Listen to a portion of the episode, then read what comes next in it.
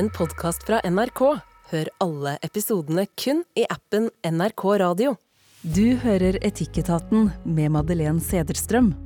Min frihet strekker seg til der din frihet begynner. Ja, det her er en klassisk definisjon av et liberalt samfunn.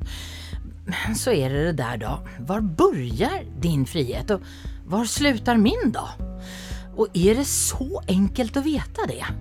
Låt oss dyka ner i etikkens verden og vri og vende på denne ukens dilemmer sammen med panelet, som er journalist eh, i Aftenposten og influenser Ingeborg Senneset, skuespiller og dramatiker Marianne Meløy og professor i filosofi ved Universitetet i Agder, Einar Duenger Bøhn.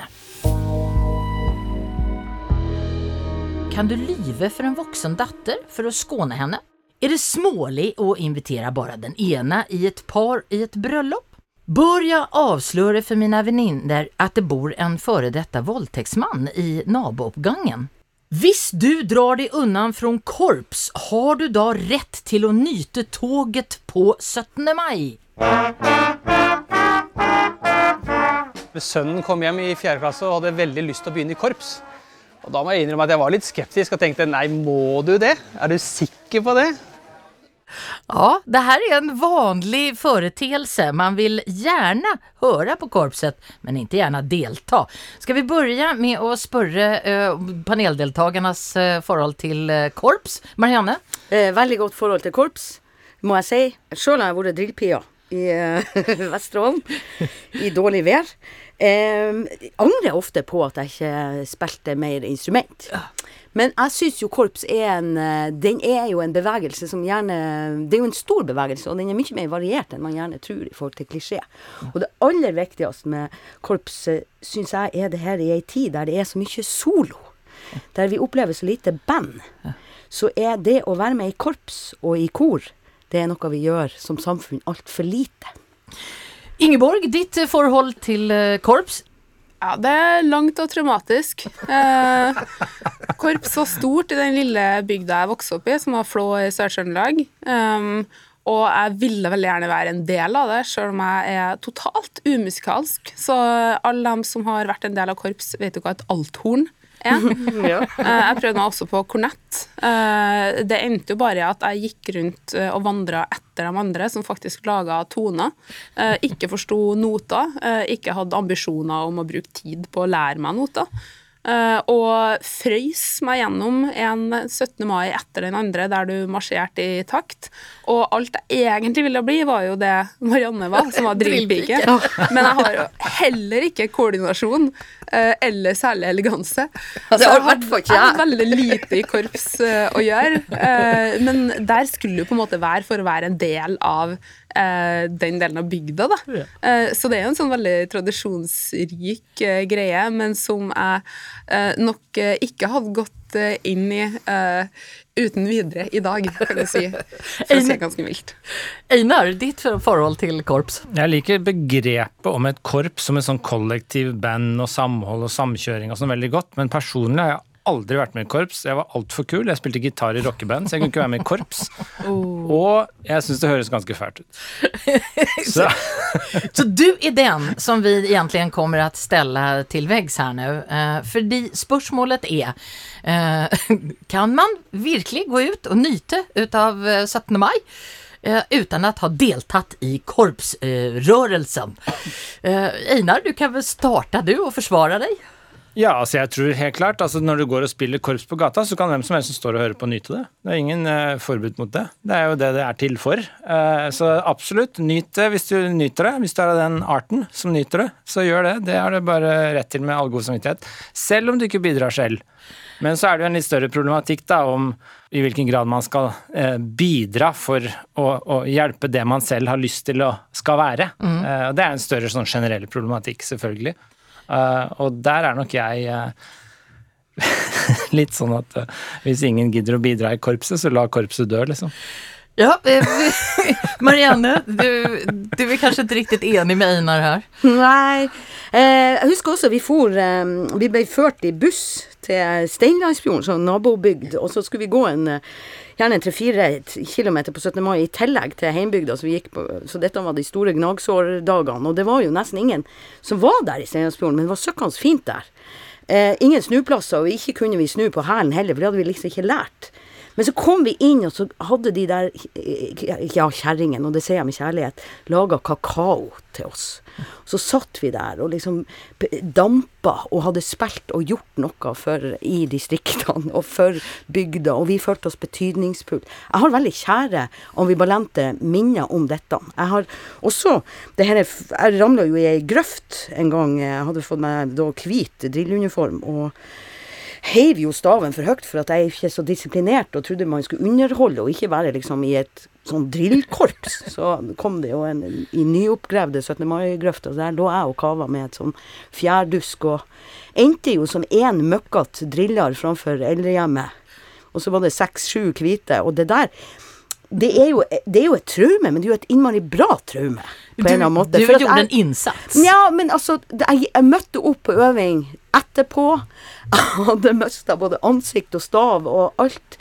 Eh, og bygda levde. Og det som er bra med korps, da, det er jo det at du på en måte står i ei etisk vurdering hele tida når du spiller et instrument. Hvor, hvor høyt skal jeg spille, hvor svakt, hva skal vi spille, eh, kan alle være med, det burde alle kunne være. Det er en, det er en slags sånn Om det er korps, eller om det er kor, eller hva det er, men i hvert fall at Eller band. Eh, Band, ikke minst. Eh, de, de her gruppene, de her ensemblene som prøver å, å, eh, å samspille i si samtid, det i hvordan form det får, det må alltid forandre seg. Sånn at Einar som ville at det skulle dø så Nei, ville jeg, altså, det var- jeg ville ikke at det skulle dø. Nei, du sa noe om død i hvert fall. Så har jeg Hvis lyst at ingen vil bidra, så la det dø. ja, Det var det jeg sa. det var det du sa. Så det er ikke, sånn, det er ikke drap, korpsdrap. Men, men altså, det har vært veldig fint aktivt drep. Nei, men det hadde vært veldig fint om det korpset kanskje kommer i en annen form. Og det skjer jo over hele Norge. At man eh, må ha det i en annen form, da. Men Ingeborg, eh, du fikk lov å være med til tross for at du antagligen då spelade surt mange ganger, eller? Betydde det mye for deg å få lov å være med og bidra? du vil jo gjerne være en del av flokken. Eh, og jeg tror nok at eh, for en del bygdesamfunn og ellers, så er nok flokkmentalitet og korps litt av det samme. da, At du deltar inn i noe større enn deg sjøl. Og det er kanskje litt derfor at det har blitt et etisk dilemma i denne sammenhengen, om du på en måte eh, kan nyte at det er en sånn samlingspunkt eh, i by eller bygd som eh, lager musikk som alle kan stå og se på hvis du overhodet ikke bidrar til deg sjøl.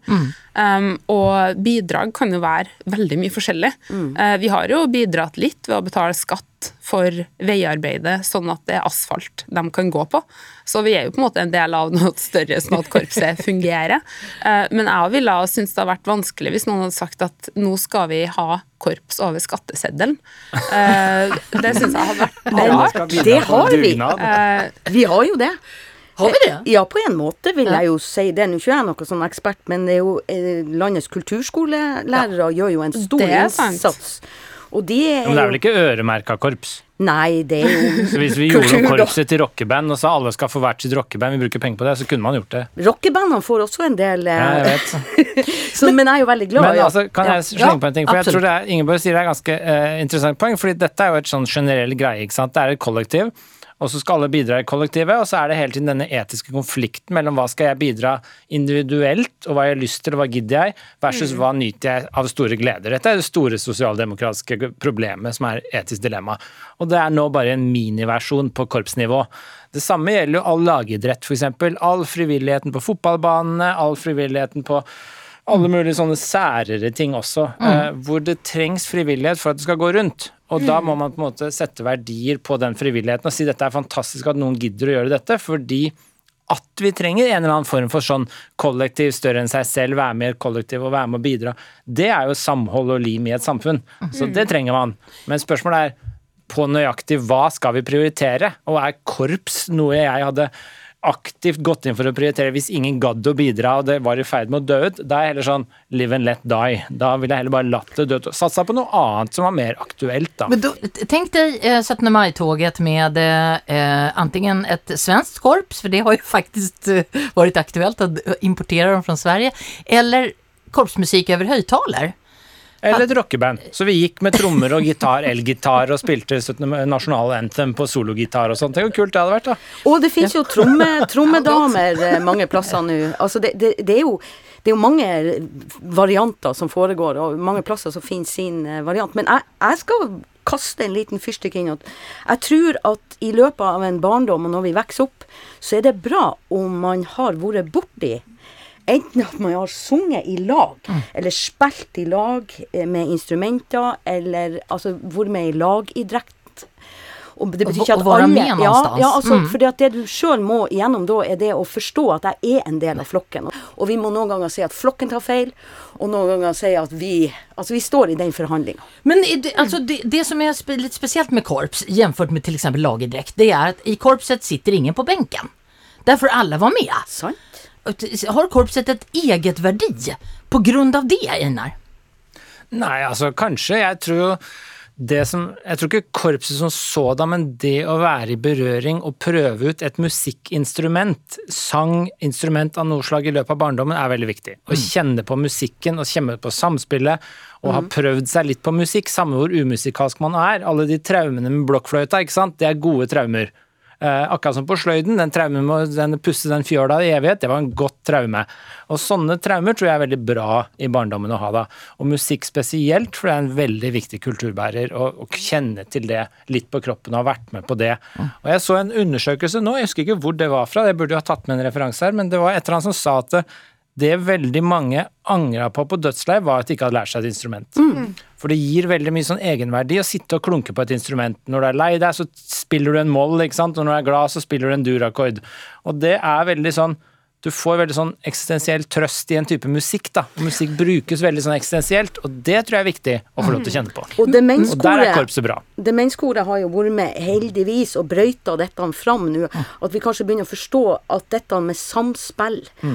Og det er jo ikke korpset, men det at vi lager musikk i lag, det er helt sentralt. Og så synge sammen, det gjorde man veldig mye før opptak og sånn, ikke sant. Før i vikingtida, som er min sånn favorittidsalder, da var det jo mye sang. Kollektiv mm. sang. Fordi det var en måte å feire på, det var en måte å føle samhold, og det å mm. synge sammen på skolen, synge sanger i klasserommet og bare få lov til å gavle med selv om du synger surt, fantastisk. Landet, Der er det mye land, har, Det her har jeg på hjertet, for landet vårt ble bygd, sosialdemokratiet ble bygd mens alle, nesten hele Norge, sang i kor. Og de var ikke med i Idol eller The Voice og sang alene hver bygd hadde med de vakreste navn, om det var Heimklang eller Havdur eller Våren eller altså og, og det, sånn, du kan ikke bygge et land eller ha et grønt skifte uten at folk opplever seg sjøl som en flokk. Og da må de finne ut hvordan skal vi forholde oss, for sang og musikk vil alltid også kommunisere med den tida man sang ja, Og så tror jeg det er viktig med musikk at det er språkløst. Det er veldig viktig at det er en kommunikasjon som er språkløs, og det er veldig sånn unikt at du slipper å måtte mene noe, du slipper å måtte si noe, formulere deg, skrive, snakke. Du kan bare synge, f.eks., eller kore med, eller spille et instrument. og det er en helt annen form for kommunikasjon som jeg tror er veldig godkjent på. Um, jeg har jo sittet og lytta på Einar og Marianne nå og egentlig kommet fram til at uh, vi burde øremerke korps på skatteseddelen. Øremerke musikk, det er definitivt. Fordi at uh, uansett hvilken kultur eller tidsalder du går inn i, så ser du hvor viktig musikk og toner og det å, og det å skape lyd som har en, en, slags eh, flyt og en form, mm. er så utrolig viktig. Alt fra eh, vikingtida til slaveriet. Og hvor motiverende og, og samlende det kan være. da. Både i krig og i glede og i bryllup og alt som er. Um, det som jeg tenker Utgangspunktet vårt her var jo egentlig om man kunne nyte korpset uten å delta. Og jeg tenker det er jo egentlig en litt rar formulering, fordi at når du spiller i korps, Eh, og folk faktisk eh, står opp, stiller seg på altanen og vifter med flagget for deg når du går forbi, så er jo det en form for deltakelse. Så det å nyte korps er jo egentlig å delta. Eh, det er jo å vise støtte, og det er jo det å vise at det dere gjør, det setter vi pris på. Og det er eh, vi er sammen i det dere gjør. Eh, så jeg tenker jo at sånn sett så ja, du kan nyte korps uten å delta fordi at du jo egentlig deltar. Så da kan vi vel bare konstatera at vi er fryktelig glada i at det finnes korps fortfarande kvar og att eh, vi er tacksamma for alle som spiller i korps. Og så er vi glada i de som står og viftar med flaggorna også. Fortsett å gjøre det.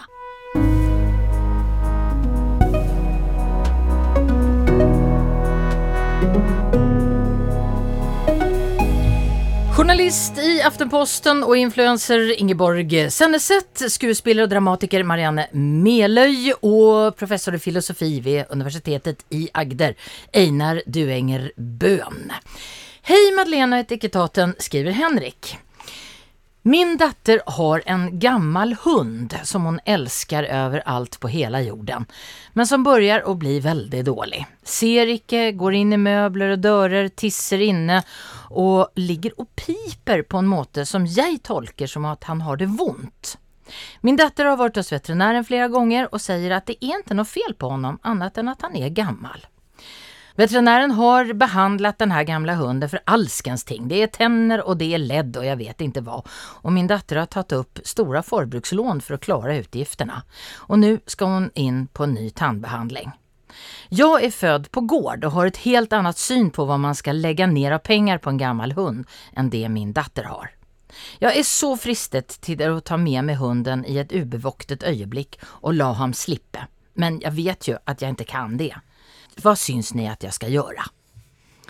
Ingeborg, det är frestande att prata med dig. Fortell om ditt forhold til hund.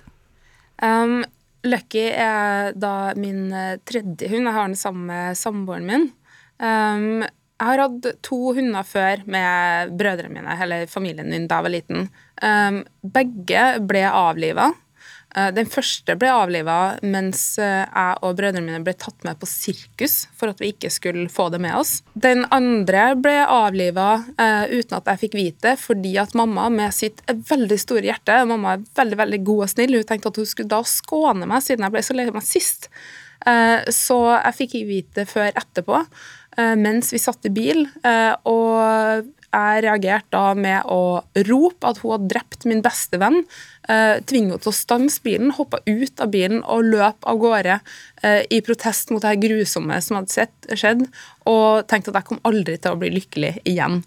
Uh, så forholdet til dyr og hunder er veldig sterkt. Jeg knytter meg veldig på samme måte som man knytter seg til mennesker, og det og det vet vi at folk gjør, og da tydeligvis også den dattera Mm. eh, i den saken her. Marianne, ditt forhold til eh, hunder og husdjur? Jeg kommer fra et småbruk. Mitt forhold til det, det er vel kanskje litt likt sånn som hun som skrev inn, da. Jeg, jeg kjenner meg jo igjen i at hun har et litt annet forhold. Jeg, forfer min første venn var jo en, et lam. Hun het Sissi. Eh, men hun må jeg jo kanskje ha vært med og spist. På Og det var ikke traumatisk? på Ja, jeg har også spist kaninene mine uten å vite det, og det var traume. Einar, hva er ditt forhold til dyr og husdyr? Nei, altså jeg har veldig godt, for vi har alltid hatt hund, katt, fisk, fugl, alt hjemme hos oss. Um, og jeg har også veldig mye bønder i slekta, som har veldig sånn naturlig bondeforhold til dyr. Men jeg har jo personlig alltid vært et kattemenneske. Altså Jeg har aldri hatt et dyr som jeg kan si at det var min beste venn, fordi de kunne ikke prate tilbake. Slik at jeg har alltid likt dyr, og jeg har alltid hatt katt. Og jeg har f.eks. en katt i dag som sover i senga mi. ikke sant? Altså, så jeg, men jeg har alltid vært et kattemenneske, for det er mye mer selvstendig. Så kattene kan bare være der, og så lever de som om du tjener dem, og det liker jeg, for det gjør jeg også med alle rundt meg. så jeg og en katt er veldig sånn Du kjenner igjen deg? Ja. Men en hund får jeg litt sånn her angst Jeg får litt sånn her, litt sånn der eh, Hva heter det, sånn klaustrofobisk eh, følelse, fordi den er så trengende. Og må passe på den hele tiden. Og jeg må gi den kjærlighet hele tiden. Det orker jeg ikke. Så jeg har ikke noe særlig sånn katt... Nei, bikkjeforhold. Henrik Men vi hadde alltid hund, da. Masse hunder. De døde jo i hytt og pine og ble påkjørt. Og i hvert fall to av hundene våre har blitt påkjørt. Så ja. Herlighet, hvor de kjører. ja den ene hunden kjørte Jeg skal ikke nevne navn, men et familiemedlem kjørte over den utafor huset. så, så skratta han. Du ler med det ene øyet, og du gråter med det andre. Vil jeg tro. Så ja, nei, vi har hatt mye dyr opp igjennom. Ja. Mye dyrehistorier, og det er jo sånn godt barndomsminne, for det er så traumatisk, men det er veldig godt å snakke om. Det er erfaringsmessig rikt, ikke sant. Det å ha det forholdet til dyr som dør rundt deg, og, og liksom gjøre ditt beste, men det gikk ikke, og du får jo en Du venner deg til livets eh, traumer og dødsfall og sånn på en måte som jeg tror er veldig sunt for barn. Nu är vi på eh, Henriks eh, dilemma. Henrik, vad ska vi säga till Henrik? Henrik eh, snackar alltså om att han har lust till att ta sin dotters hund utan att hon vet det och avliva. Kan man göra en sån sak eh, etiskt? Nei. altså Poenget er, Han sier jo at han har lyst til det. Altså Man kan ha lyst til å ta livet av mye rart, men man bør jo ikke gjøre det uh, på den måten. Og det etisk betente her, hvis han skulle gjort det, da, det er jo at han på en måte ikke bare slår en hvit løgn og skåner dattera si, men han går jo bak hennes rygg og, og avliver et, en venn av henne, på en måte, uten å si det. Altså, Å gjøre det er jo helt hårreisende. Altså, det er jo, det fins jo ikke noe moralsk over det. Altså, Den type skåning av Jeg antar dattera er voksen her, da, siden hun har brukt mye penger og forbrukslån og sånn. Å skåne voksne mennesker på den måten, det er jo å umyndiggjøre dem, ikke sant. Så det er jo direkte umoralsk på alle måter å gjøre det. Så det kan han ikke gjøre. Svaret er nei. Precis, det, og det tror jeg vi alle er enige i. Men Ingeborg, eh, hvis vi nå sier at Nå er jo det her en voksen datter, men om den här dottern hade varit, eh, låt oss säga åtta år, eh, så som du var, eh, vad hade blivit, ditt råd bli, varit då? Altså, men det blir veldig mye Det blir veldig mange visser på den måten. da, For hvis at dattera eh, er et barn, så er det jo faktisk faren som kan ta den beslutninga her. Og da kunne vi ha sagt til henne at eh, prat nå med dattera di, si hvordan du tenker. At eh, det her faktisk er et eh, dyr. eh, At dyret kanskje det, Vi kan stole selvfølgelig på veterinæren, men kanskje har ikke det dyret her det så veldig bra. Er det kanskje en mulighet for at den skal få slippe noe? At den har eh, gjort sin misjon her og kan gå videre? Fordi at da er han voksenpersonen og hun barnet, og da kan han ta den beslutninga. Og i en del tilfeller så har jeg også observert folk som eh, tar dyrene sine gjennom behandlinger som jeg sjøl kjenner at det her syns jeg ikke er riktig. Jeg syns ikke at man skal holde dyr i live for enhver pris, og da mener jeg ikke prisen i penger. Folk bruker penger på alt mulig rart. Altså Det koster 40 000 i året å snuse. Du har lov til å bruke 40 000 på en tannbehandling av en hund også. Men du kan ikke uten å tenke over at en operasjon eller en behandling er en, eh, er en smertefull prosess ofte. Eh, Det er noe du ikke kan klare å forklare for hunden din. Du kan ikke få en hund til å forstå at du gjør det her for hunden sitt beste. Den vil tenke 'hvorfor gjør det meg vondt'? Jeg elsker deg, du gjør meg vondt, hva er det som skjer nå? Eh, En hund skal du da tenke over at ikke forstår rasjonalet bak at den må gå gjennom en behandling nå, og tenk hvor mange gode år har han. og sånne, sånne ting må du da tenke over på vegne av hunden, mer enn på vegne av barnet nesten. Um, om nå ungen må gå gjennom en avliving, så, så skal nok det ordne seg hvis man tar en god samtale, antar jeg. Men dyret må du tenke på vegne av, da, for de har ikke det rasjonalet. Selv om jeg driver og snakker om Lucky som babyen min, så er det faktisk et eh, dyr, og jeg må på vegne av hun tenke over hva er det som er godt for hun, hva er det som er god dyrevelferd. Og den gamle hunden her, kanskje er det ikke god dyrevelferd. Det betyr ikke at faren skal inn og ta, overta det der, men han kan ta en prat med dattera si og høre hva hun tenker. Hvis det er nå sånn at dyrlegen har sagt at den har det helt fint, jeg er veldig usikker hvis den driver og går inn i ting og tisser inn osv. om den har det bra. Da kan du kanskje gå videre og tenke at ok, jeg gir den ett år til. Om hun vil bruke pengene sine på det, hennes valg. Maria, ja, Einar? Nei, altså, jeg tror Ingeborg sier det er veldig lurt, fordi det det går på, ikke sant? Hvis du ser på det barndomstraumet du hadde, Ingeborg, med bikkja di også, når den ble avlivd, uten at du fikk vite på forhånd, hva skjer da? Jo, det er at du føler at noen går bak ryggen din, selv når du er barn, ikke sant? Og så føler man at eh, du ikke får være med på prosessen. Du får ikke delta, og det, det blir som en litt sånn eh, Jeg var i en begravelse hvor det ikke var noe etterpålag. Det syns jeg var litt stusslig, for da fikk du aldri liksom closure. Du fikk ikke slutt, avslutta det riktig. Eh, Og det er litt sånn her, tenker jeg. Altså Hvis du plutselig avliver noen et dyr, da, helst. Hvis du avlever et dyr bak noens rygg, så fikk du aldri sagt ordentlig ha det. Og da går du glipp av en del sånne erfaringer du vokser på som menneske, som barn også. Det å få lov til å ta farvel med dyr og skjønne når det er bra og riktig og galt å leve og sånn. Å få være med på prosessen er jo det etiske her, tror jeg, under enhver betingelse, om det er voksen eller barn. Å får lov til å delta, føle at du er en del av dette fellesskapet rundt dette dyret, at ingen liksom overkjører deg og umyndiggjør deg. Eh, Og så- det tror jeg er det riktige her. Og det er det som ofte sies i etikk òg. Det er ikke det at du skal finne svaret på om det er rett eller galt, det du gjør, men du skal reflektere over det og åpne problemstillingen og være klar over for og imot. Da er du en etisk skapning, mm, ikke bare når du finner et svar. Og så tenker jeg også at jeg, jeg har jeg- da, da, jeg har jo både mista eh, dyr og mennesker opp igjennom der jeg har følt at jeg mista veldig kontrollen. Noe som har gjort at jeg som voksen var livredd for å binde meg til noen som helst. Og ble veldig eh, redd hver gang noen sa ha det. Så sa de mer eller mindre til meg at vi ses aldri igjen. Så kroppen min følte at folk dør når de sa ha det. Jeg har kommet langt ifra det i dag. Men altså, man skal ikke undervurdere at det preger folk hva de opplever, både som barn og som voksen, da, når det kommer til døden og det med closure, eller det med å få en avslutning på noe. Så å gå bak ryggen på noen, om det er et barn eller om det er en voksen, eh, det bør egentlig ikke være noe som frister deg. Det bør heller være noe du tenker over hvorfor i all verden er det fristende for meg. Eh, Syns jeg det er så ubehagelig å ta den samtalen her at jeg heller er villig til å utsette noen for å plutselig brått miste dem, den eh, eller det de elsker så høyt. Så han faren her, han Henrik, han har jo et par issues han burde gå i seg sjøl med, utover det at han er bekymra for sin datters eh, forbrukslån.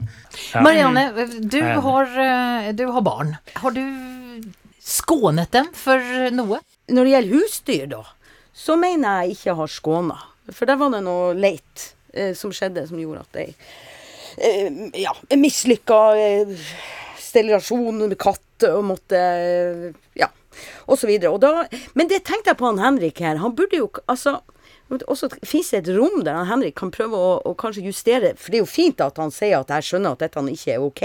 For det sier han jo. Han, det, det er fint at han tenker at det ikke er OK å drepe hunden eh, til dattera bak ryggen hennes. Det syns jeg er flott. Er det, kan han støtte opp på en eller annen måte, tenker jeg. Jeg kan Eh, betale den tannbehandlingen. Ja, nei, nei, men jeg mener Det virker som det er noe uoppgjort. Skal han begynne å gå tur med hunden, eller skal han gå en runde? Nei, da, nei jeg, jeg vet ikke. Det er noe der. Det er akkurat som man kanskje skal stille seg eh, emosjonelt tilgjengelig for den sorgen som kommer. Mm. Og prøve å være mindre dømmende i forhold til dattera. For da kanskje hun også snakker mer sant. For at det er akkurat som det er noen ledd her. Jeg er ikke sikker på at dattera refererer korrekt til hva veterinæren har sagt. Dette har jeg ingen rett eller grunn Det- til det å vet si. vi ikke. Det vi vet jo ikke det. det. Vet jo heller ikke Bruker veterinærer å foreslå sånne hytter og, og kav? I så fall er det en etisk ting. At ja, det er 27 000 skal vi bruke, og nå brukte vi 40 000 i forrige uke. Sånn kan, jeg kan jo ikke tro at veterinærer i Norge, det er jo vitenskapsfolk. Så det er noe ledd her som er litt av sånn eh, jeg Det er vil- veldig stor forskjell på veterinærer. En god veterinær vil si til eieren at du, her er det et dyr som har nok levd sine dager. De har ikke så veldig mye god tid igjen. Det vil være en påkjenning for dem med de behandlingene her. Eh, Jeg kan gjøre behandlingene hvis du ber om det. Det kommer til å koste deg ca. sånn og sånn mye. Det kommer til å påføre dyret ca. så og så mye smerte, og så kan eieren ta den beslutninga sjøl. Det vil være en god veterinær som også da forholder seg til det at eh, det er begrensa når det er etisk og egentlig moralsk riktig å fortsette å drive og behandle og behandle dyr. Einar? Jeg tror det er veldig riktig det siste her, fordi det er jo Altså Når det kommer til mennesker, så tror jeg faktisk at jeg kanskje er imot aktiv dødshjelp. Det er en sånn lang debatt, det skal vi ikke ta nå. Men jeg tror jeg er imot det på det mennesker. en gang, Men på dyr så er jeg for aktiv dødshjelp av og til. Eh, fordi det handler om noen litt andre ting. Eh, Jeg tror det er veldig viktig å tenke sånn generelt over vårt forhold til dyr. Altså Jeg tror det er sånn misforstått å tenke at eh, dyr skal leve for enhver pris. Eh, eh, Og eh, at vi tenker at det humane, etiske er å bruke masse penger og redde dyr fra enhver situasjon. Det er ikke dyras naturlige tilstand eller hverdag heller. Så jeg tror ikke det er på en måte en sunn holdning til dyr. Og der tror jeg Ingeborg er inne på noe viktig. ikke sant? Altså Det å skjønne når det er over for et dyr, er noe litt annet enn å skjønne for et menneske. Jeg har gått litt vekk fra det der å verne om dyrelivene for enhver pris, til å forvalte et godt liv for dyr, og forvalte et godt forhold mellom dyr og mennesker, heller enn en sånn apartheid hvor mennesker ikke rører dyra, og dyra lever for seg, altså de lever på sine premisser og vi på våre. Jeg tror ikke det er en god tilstand lenger. Jeg Og tror, det fungerer ikke heller lenger, ut tror ifra sånn som naturen er blitt. Ja, og dyr trenger vår hjelp, akkurat som, og vi trenger dyr. Og det er mye varme og glede og oppdragelse imellom dyr og mennesker som går, blir borte hvis vi skal skille de eller verne de eller ja. Så Vi kan, jo, vi kan jo tenke litt som uh, forfatteren av Sapiens uh, påpeker til ganske sånn gåsehud i boka si, uh, at eh, den måten vi behandler dyr på i dag, eh, kan vi regne med at eh, robotene kanskje vurderer å behandle oss på senere. Så det gjør jo at vi kan eh, dra ganske varsomt eh, rundt omkring. Da håper jeg at jeg blir en knehund for robotene. robotarna. Jeg vil gjerne være lucky for eh, robotene, tror jeg. Jeg tror, jeg tror ikke robotene kommer dit. Henrik, du eh, kan selvfølgelig ikke ta din dotters hund og avlive den uten bakom hennes rygg. Det kan vi vel bare si. Men vi eh, skjønner at du må ta et veldig alvorlig samtale med henne. Journalist i Aftenposten Ingeborg Senneset, skuespiller, dramatiker Marianne Meløy, professor i filosofi på Universitetet i Agder Einar Duenger Bøhn. I Aftenposten Ingeborg så kunne man läsa följande läsarinnlägg från signaturen Ankan. Jag upplever att bli invitert i bröllop hvor partneren inte är välkommen. Är det verkligen vanligt att invitera bara den ena paret i ett bröllop? Vi syns det är lite smålig. Og til panelet er da spørsmålet Er det smålig å invitere bare den ene paret, parten i et par til et bryllup. Uh, skal vi begynne med å spørre om uh, Marianne, har du fått en sånn invitasjon noen gang? Uh, nei, det tror jeg ikke. Ingeborg? Um, jeg har blitt invitert til altfor lite bryllup, altså. Så jeg har så få referanser. Men nå begynner, det å, nå begynner vennene mine å komme der at de begynner å gifte seg litt. Uh, også noen som blir skilt.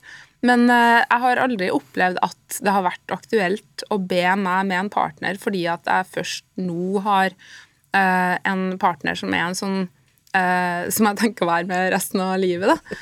Uh, så det forrige bryllupet jeg var i, så var det ikke et spørsmål om jeg skulle ha en pluss én. Da var det jeg som var invitert. Og det bryllupet jeg var i nå nylig, og vi tre er i samme vennegjeng, eh, da var det en selvfølge at spørsmålet var meg og min samboer. Sånn at jeg tenker, spørsmålet må jo være er det sånn at du alltid må la folk ha muligheten til å ha med seg en venn eller en eh, kjæreste i bryllup? Det syns jeg ikke. Eh, Det skulle bare mangle at du inviterer dine venner, men hvis de er i et etablert forhold, som også svaret på det lesebrevet egentlig ganske tydelig sier, så er det god skikk og bruk, da. Eh, Å la begge partene i det etablerte forholdet være med. Og så kan man jo stille seg spørsmål hva er et etablert forhold? Ja. Einar, fins det noen etikk i dette? Absolutt. Jeg tror jeg er ganske jeg synes, Når jeg leste første gang, tenkte jeg kjedelig spørsmål. Så begynte jeg å tenke på det, så tenkte jeg oi, det er kjempegøy spørsmål. For dette, dette er egentlig ganske interessant. For jeg tror dette illustrerer ganske godt at perspektiv og kontekst er viktig i etikk. Fordi hvis du blir bedt til et bryllup, så tenker jeg sånn, du kan se for deg noen scenarioer. Du en som skal gifte seg, han har mye penger, eh, stort bryllup, du har vært i et forhold i 30 år, eh, og så blir bare du bedt. det er rart. Det er smålig, eh, det er rart, og det viser dårlig karakter og dømmekraft fra den som inviterer. Men så har du en annen kontekst og setting, og et annet perspektiv, hvor du har en ung person som har knapt med penger, pusha budsjettet veldig. Du har hatt en partner i tre måneder, og du har en tendens til å bytte partner litt ofte. Eh, Og du, bare du blir bedt. Situasjonen er noe helt annet. Så dette her du er er ikke ikke smålig. Nei, dette Nei. er litt sånn kontekstavhengig. Eh, og jeg tror det, det som er interessant sånn etisk her, det er å tenke dydsetisk i det tilfellet her. Og det betyr at du tenker på hva som er rett og galt ut fra hva en god person ville gjort. Så det, det som er rett, det er det en god person ville gjort. En bra karakter. Og det som er galt, det er det en dårlig person eller en dårlig karakter ville gjort. I den settingen du er i. Og da er spørsmålet i bryllupet, da, når du tar konteksten i betraktning, hva ville den gode personen gjort? Den rause, gode, rettferdige, åpne, hyggelige, intelligente personen. Hva Hadde ville tatt den opp gjort? forbrukslån og bjudet alle partnere. Ikke sant? Den ville jo bedt med kanskje en for mye heller enn en for lite, ikke sant? Eh, og da må du bruke godt skjønn, da. Skjønnsbedømmelse her, ikke sant. Altså du kan ikke bare følge en regel eller en generell greie. Du må tenke hva ville en god person gjort i min situasjon? Betyr denne nye partneren veldig mye, ikke sant, for den, den vennen min, ja, da ber du med den partneren. Så det är So- Sofia Larsson, hon eh, svarar i Aftenposten och hon har eh, intervjuat en eh, bröllopsplanläggare som skriver så här. Det har blivit vanligare att brudpar värderar att droppa en väns ukänte partner från gästelistan. Det är en ten tendens i tiden rätt och slätt, att man droppar den ena. Eh, Marianne, når skulle du bli väldigt sur om du inte fick eh, den invitationen? Om det var någon noen som inviterte din, din det, partner? Det, måtte jo være liksom Hvis du føles Eller altså dette, For dette er jo litt sånn hvem er med, og hvem er ikke med i flokkaktig. Og de her partnerne er jo på liksom eh, on the fringes, eller altså ute på utkanten. Om de defineres med i den her eh, gjengen. Og det er jo spesielt hvis det er inkonsekvent, på en måte. Altså hvis du er den eneste som ikke blir bedt ut av alle partnerne. Da blir du kanskje litt sånn Hva er det med meg? Ja. Er det noe greier? Der, der, ellers er jeg veldig enig med Einar med dette med ressurser. For at å være dømmende i forhold til Nei, tenk, vi ble ikke invitert til. Altså, det, det, jeg må ha respekt for at også det Og så har vi veldig sånn Med bryllup så er det jo masse fasade, og hvordan man skal framstå, og bildene skal være. og Det er jo så utrolige høye innsats på hvor, hvor fantastisk og perfekt alt skal være. Og jeg, jeg føler veldig at det her med at Nei, jeg har lyst til å ha bryllupet sånn som jeg vil, er lov også. Og jeg har lyst til å ha de jeg kjenner der. Folk har ulike penger, altså ressurser til det. Syns jeg er innmari viktig. Jeg tror det er viktig å stille seg spørsmål når du setter opp eh, invitasjonslista til bryllupet ditt. Så stiller jeg spørsmålet hva slags person ønsker du å være når du lager den lista?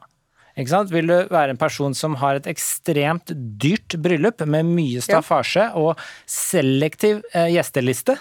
Eller vil du være en person som har en litt rausere gjesteliste og litt lavere standard på alt som foregår rundt bryllupet, gitt budsjettet ditt? Og så Ja. stiller du deg spørsmålet hvilke av de to karakterene syns vi samfunnet er best tjent med? Hvilke av de to karakterene er best? Og da overlater jeg til lytterne å svare på det spørsmålet.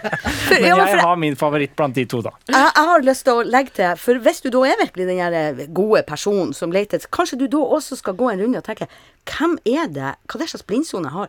Er det noen jeg burde ha invitert, som jeg ikke har kommet på?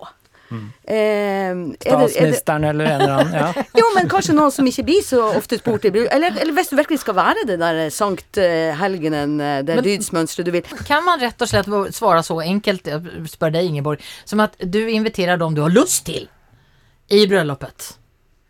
Jeg tror, eh, jeg tror nok at det er veldig få som sitter igjen etter å ha laga lister med gjester til sine bryllup, at de tenker, med mindre de har gifta seg på Hawaii og har fire gjester som er bestevennene sine, som sitter igjen og bare har dem man har lyst til. Fordi at relasjoner er jo ikke alltid sånn at eh, man har valgt alle relasjoner, og man må klare å fungere ganske sivilisert sammen med Kanskje har man eh, Kanskje er broren din sammen med en skikkelig skikkelig, skikkelig eh, kjip fyr. Eh, kanskje er, er faren din eh, gift med noen du ikke liker, eh, eller kanskje er faren din noen du ikke liker. Det er, sånn, det er mange sånne ting man dukker opp i familieselskaper, eh, som da et bryllup eh, ofte er, eh, som ikke vil være bare fryd og gammen. Og så kan man tenke litt da, er det verre for meg å ta eh, den konfrontasjonen på forhånd og i etterkant? Eller skal jeg bare tenke at ok, under bryllupet så kommer det til å være masse annet som skjer. Det handler om meg og den jeg elsker som jeg skal være sammen med. Det er det vi skal feire. Så kan vi bare ignorere at uh, tante Laila er litt uh, småkjip, eller at eh, noen Stupfull. har Ja. Eller stupfull. Det er sånn Begge deler. du, du vil Jeg tror at hvis du legger lista di at du skal ha et perfekt bryllup med bare dem du vil skal være der, eh, så er fallhøyden ganske nærliggende til at eh, er det det, ikke- blir ikke akkurat det du ønsker Det er jo ikke noe som er morsommere enn et bryllup som går til dundas. Altså, I ettertid, ti år etterpå, med den ene som snubla opp i kaka for han ble for full. Altså, Sånne ting er jo mye morsommere. Et bryllup som har gått plettfritt, er det ingen som husker etterpå. Marianne, du har vært med på en del bryllup bröllop på Vesterålen. Kan Ja, du, kan du Jeg har tenkt på det her nå, for at, jo, det er veldig artig. Ja, men jeg kommer fra ei øy med 40 mennesker. Og vi har hatt det sånn eh, at alle har blitt invitert i Hvordan alt. klarte du å ha korps på en øy med 40 mennesker? Du, eh, det, det her korpset det er jo eh, Vi er så musikalsk. Altså, det er 40 mennesker som er helt Nei da. Eh, den her øya har jo et omland. Det har en naboøy, som har flere. Så vi har jo også evne til å flytte oss fra øya til kan du si, den andre øya. Og dere har gifter er med hverandre over øyene? Vi er Ja. eh, besatt av innavl, så vi spiller i korps og har ett øye i- midt i panna spiller klarinett. Sånn holder vi på. Men vi inviterer alle i alt. Bygda heter Alsvåg, så det er innavlsvåg. Det her håper jeg virkelig ikke blir klippet bort. Men poenget er at alle ble, har min oppvekst blitt invitert i alt. I alle bryllup, alla Altså dop, alla alle konfirmationer. konfirmasjon. Men der man også De som ikke har så mye familie, også har blitt invitert eh, inn i alle fellesskap og sånn. Og dette i den her perfekte flokken som jeg på en måte snakker om her Nei, men altså, Det er jo en, en veldig sånn fint antall på en gjeng. Eh, som eh, jeg er veldig glad jeg har vært med på. Sånn, sånn det der, Og også lete etter hvem, hvem skulle jeg og, ja, ha invitert. Og det å føle at ja, jeg blir jo, jeg er jo med her. For og jeg det skulle ønske at det var så enkelt at vi hadde sånn en hel haug av 40 personers eh, ferdiglagte samfunn. Da tror jeg det hadde vært mye enklere å være eh, brudepar. Eh, også mye vanskelig, for at du ikke kan velge bort folk. Eh, men også mye dårlig bedrift for bryllupsplanleggere, kanskje. da. Men sånn i de fleste eh, gode relasjonene, eller sånn som jeg har i dag, som da er så mange venner som jeg anser mer eller mindre som familie, eh, så blir det jo mye vanskeligere hvis man er Si du er 37 og skal gifte deg og har et ganske begrensa budsjett med sånn som økonomien er og alt sånt. Så jeg skjønner jo at dette er et reelt dilemma for en del. Hvorfor skal de bruke penger på noen de ikke kjenner? Og da koker det ned til det ene å da, sånn her, Du skal bruke penger hvis du vil være den personen som har tatt det valget om at her er vi samla med dem som har eh, relasjoner som skal være over tid. Da har du i hvert fall gjort det i det ene øyeblikket som var den dagen der du er gifta deg, og så går det enten eh, bra, eller så går det over eh, i ettertid. Men kan det også, både Marianne og Ingeborg og Einar, kan det også være litt deilig å få lov å gå på en bryllup uten partneren? At det kan være deilig å få lov å slippe å alltid slippe med seg partneren? Ja, vet du hva. Kanskje, kanskje det blir artigere for alle. Litt mer uventa. Jeg er helt enig, det var det jeg tenkte når jeg leste spørsmålet. Bare sånn det sto at det er hyggelig å ha med partneren. Det er jo ikke alltid det er gøy å gå på fest alene òg. Snakk for deg sjøl, liksom, tenkte jeg til den brevskriveren. At, eh, kjempe, kanskje hyggelig for partneren òg å få en frikveld og sitte ved fiskevann ja. istedenfor å være i det her eh.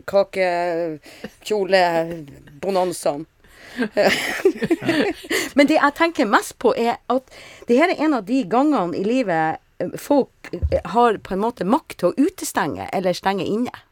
Altså si hvem er med i flokken min, og hvem er ikke det. Og det er jo man, når man ber inn folk til på bursdag eller bryllup, for det er noe sånn veldig offisielt. Man bør i hvert fall kanskje sjekke med seg sjøl om man syns det er litt deilig å utestenge. eller å Hva er det som gjør ja, men det, For det, det er noe Jeg beskriver Det er veldig godt å være med i en flokk, og det er veldig godt å slippe å delta i den flokken. Og den er stor nok til at du kan si at nei, det her kan ikke jeg være med på hele tida, eller stille opp, eller sånn. Men også det der, den følelsen at nei, men jeg inviterte ikke dem. Nei, for vi hadde faktisk ikke plass. Hvis man begynner å kjenne noe sånt, da er man ikke i den her dydsetikken din, Einar, Nei, er sant? For mange, jeg tror at det finnes en nytelse i å si at han, han kan jeg ha, men ikke hun. Ja, det er sånn herske, hersketeknikk i det. ikke sant? Altså velge ut og ikke velge ut. og hvem som, Det er litt sånn der makten du innerst inne liker litt å kunne velge. Ja. Det, den får du selvfølgelig når du lager en veldig litt sånn selektiv, litt tilfeldig utvalgt liste fra, for utenforstående. Så er det jo en viss sånn derre 'jeg bestemmer hvem som skal i mitt bryllup'-holdning. Eh, og kan spørre seg da om det er et godt karaktertrekk og få litt sånn nytelse i det, eller om det er et sadistisk karaktertrekk. I panelet i Etikettaten dag, journalist i Aftenposten og influenser Ingeborg Senneset, skuespiller og dramatiker Marianne Meler og filosof, eh, professor ved universitetet i Agder, Einar Duenger Bøhn.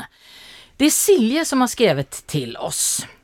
Jag bor i ett studentkollektiv och trivs kämpegott både med studierna och kollektivet, skriver hon. Men för en dröj månad sedan så fick jag veta någonting som gör mig både skälven och väldigt illa till mote.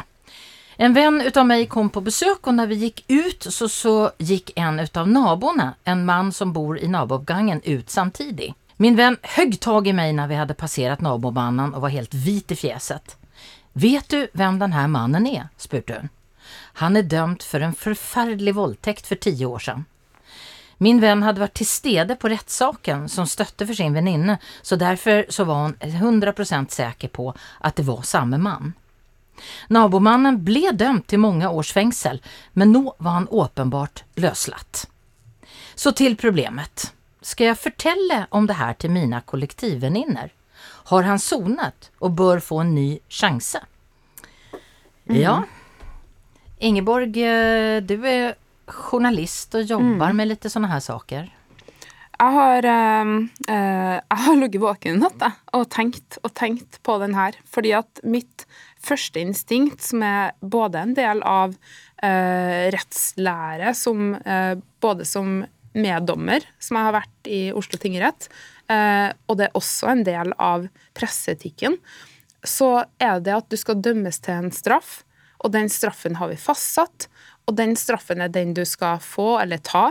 Og så skal du ikke ilegges tilleggsstraffer av samfunnet. F.eks. hvis pressen eh, blåser identiteten din, så er det en form for tilleggsstraff som må vurderes opp mot andre forhold, f.eks. om et menneske er farlig for omgivelsene. Um, og også som samfunn så skal vi på en måte forholde oss til den straffen som er. Og jeg tenker det prinsippet, uh, det er så verdifullt. Og det var veldig sånn det her er jo det jeg må Jeg må jo stå inne for det prinsippet, at man skal kunne sone sin straff og gå videre. Og samtidig så kunne ikke jeg slå meg til ro med det, fordi at eh, jeg er jo mer enn prinsippet, jeg er jo også et menneske, og jeg har også en flokk rundt meg. Ville jeg ha følt at jeg kunne la vennene mine gå uviten rundt hvis jeg tenkte at her er det en person som kan være farlig, eh, og kan jeg sjøl gå videre eh, ved å ikke ha advart venninnene mine? Og jeg var nødt til å ende opp på det at jeg hadde kommet til å sagt det fordi at jeg ikke hadde kunnet levd med meg sjøl hvis det hadde skjedd noe, fordi at det her er så røde flagg.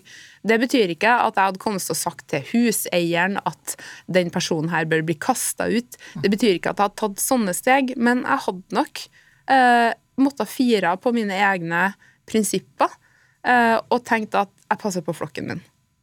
Marianne? Jeg er enig med henne. Jeg hadde, jeg sitter bare tenker, jeg hadde sagt det til de her venninnene, og så hadde jeg jo ikke gjort det uten å komme med, med masse om at eh, ja, det jeg vet er galt å si dette, og man skal jo gi folk en eh, Man har sona straff, og du må ikke si det videre, og det jeg har sagt. Altså rasjonalisering, eller hva det heter da. Noe sånt. Det hadde jeg gjort, men jeg vet det i meg sjøl. Jeg hadde sagt det. Ingeborg og Marianne hadde sagt det. Einar, er det noen mennesker som ikke skulle ha sagt det? Nei, altså jeg tror det her, De er jo inne på det. Jeg tror det er forskjell på hva vi i praksis hadde gjort. Jeg tror de aller fleste hadde sagt det til sine nærmeste, til sine fortrolige. Jeg tror det er veldig få som hadde holdt det inni seg og lata som ingenting. Så jeg tror det er praksis. Eh, og så tror jeg vi skal stille oss spørsmål hva burde man gjøre. Eh, og jeg tror ikke noe lovverken sier, lovverket i Norge sier jo ikke at man ikke kan dele informasjon med fortrolige, f.eks. For det er ikke det det går på. Så det går mer på hvor, hvordan og hvor mye dette her spres og går i sirkulasjon, og hva det brukes til. ikke sant? Slik at eh, Jeg ville jo sagt det til mine nærmeste uten tvil, men jeg ville sagt det på en måte som var litt sånn fortrolig. Sånn, vi må ikke gå og spre det her.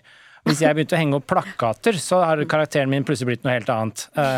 Eh, Så det handler om hvordan du sprer det, og til hvem, eh, og hvor fortrolig du holder det. Eh, Men Fordi eh, du vil vil du- ikke begynne å diskriminere når dommen er sona. Men hvis og- du sier det til dine fortrolige, og de sier det til sine fortrolige, og de i sin tur til sine fortrolige, så er det jo nesten som å henge opp en plakat. Ja, men det er ganske stor forskjell. Fordi for det første, hvis det er fortrolige, så antar jo man som et sånn samfunnslim at det ikke sprer seg som ild i tørt gress.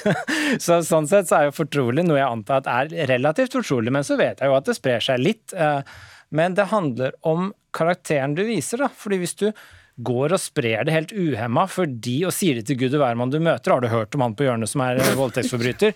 Altså, da blir det jo helt psyko karakter ut av deg til slutt. Så det handler om måten det spres på, heller enn eh, eh, liksom at det ikke skal spres mer enn matematisk så og så langt i så og så mange ledd. Det er ikke det det går på. Det er, Det er hvordan du gjør det. det. er- Ja, for at det er forskjell på om det er sladder, som du da gjør for din egen del for å gjøre deg sjøl til en interessant person, eller om du føler at du beskytter noen ved å si det, så er de to vanskelig å skille. Dommen, dommer i Norge er jo offentlig tilgjengelig, så du kan jo i prinsippet finne ut det her uansett. Når du da har utøvd makt overfor noen andre, det har vært et offer direkte i saken, så stiller det seg for meg annerledes. Eh, emosjonelt, selvfølgelig. Prinsipielt, nja. Eh, enn eh, om det da ikke hadde vært noen offer der. Eh, og det gjør at det da presser seg på det at du tenker at du vil si fra til folk, sånn at de i hvert fall ikke Altså det er jo ikke sånn at de ikke skal kunne gå eh, eller bo der. Men at de da kanskje vurderer to ganger hvis at han ber dem på date hjem til seg sjøl på en fest. Det er sånn, Du må også gi folk muligheten til å ta informerte valg, da. Marianne? Etisk sett så sitter jeg og tenker på Hvis han ikke var dømt Altså, vi har jo hatt en kultur, og før denne opprullinga i eh, metoo-greiene, så vet man jo at det var en god del kommunikasjon eh, om eh, ja, Harvey Weinstein eller eh, andre som eh, var på en måte serierovdyr, kan man si. eh, som man jo kan da si er eh, sladder, eh, men som ofte var gjort som beskyttelse i, eh, i noen miljø. Hold deg unna. Eh, Jeg har sjøl opplevd det da jeg var ung skuespiller, at det, det ble sagt sånn av kloke eldre kollegaer. Det kan jeg vel si høyt, at det ble sagt noen ganger at pass deg for å være alene med han, for eksempel. Det var jeg kjempeglad for. Dette var jo løsreven basert på kanskje egne opplevelser. Absolutt, så man er ganske faktasterk. Eh, etisk sett så er jo jeg veldig glad man gjorde det. Og mange har nok beskytta hverandre. Men da hadde Men- dere jo ikke noe annet alternativ, i og med at de ikke var dømt. Her har jo alternativet, som da er rettsstaten, vært inn og gjort Ja, sitt. men- og det blir jo en faktor. Men, ja, og det, men det er interessant bare å, å tenke seg at når du er dømt, da skal det ikke snakkes om.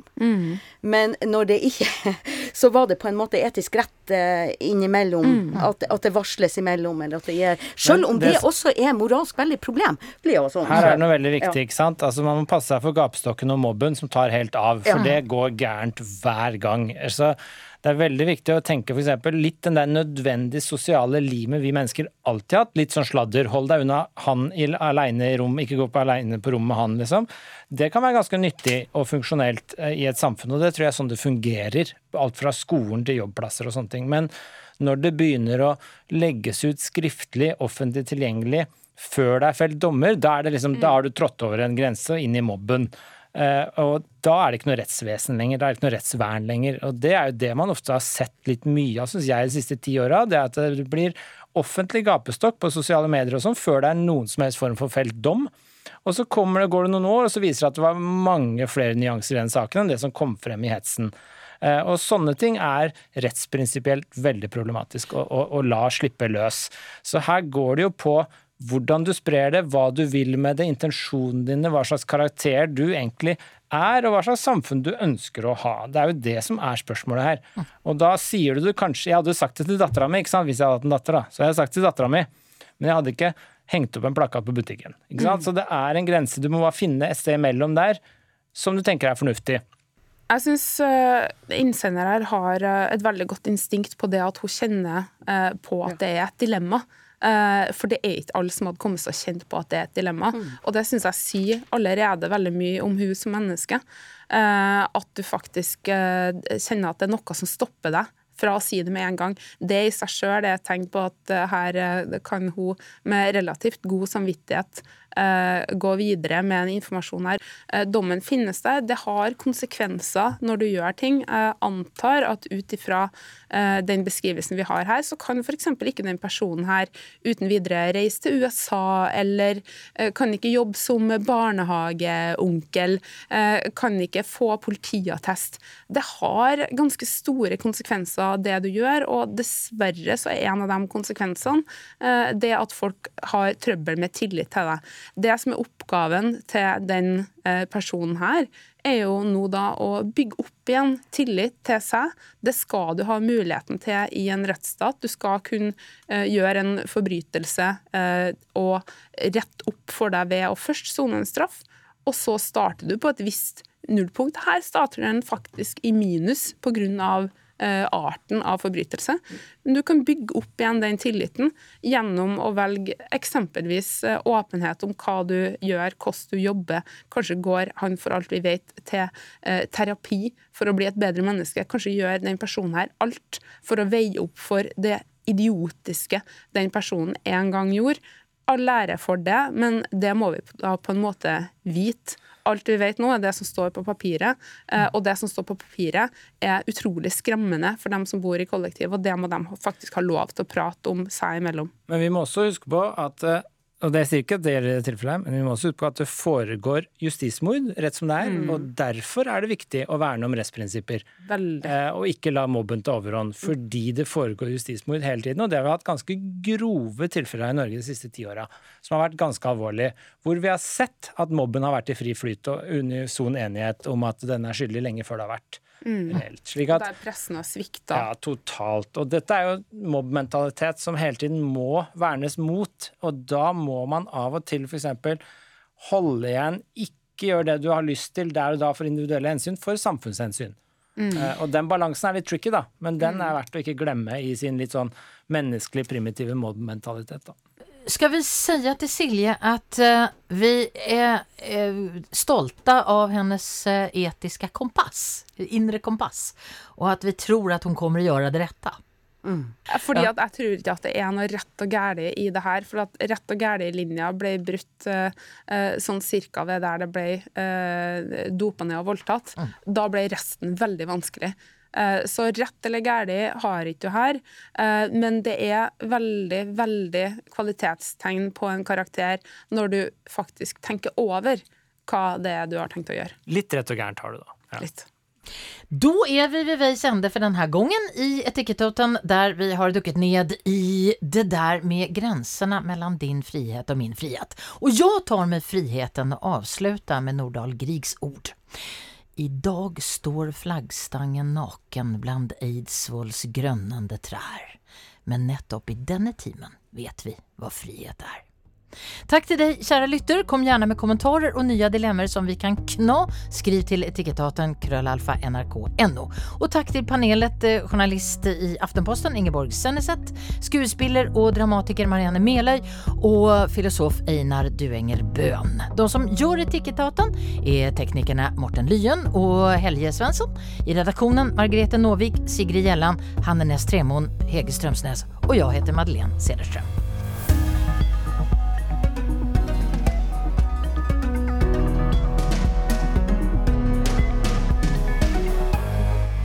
Du har hørt en podkast fra NRK. Hør alle episodene kun i appen NRK Radio.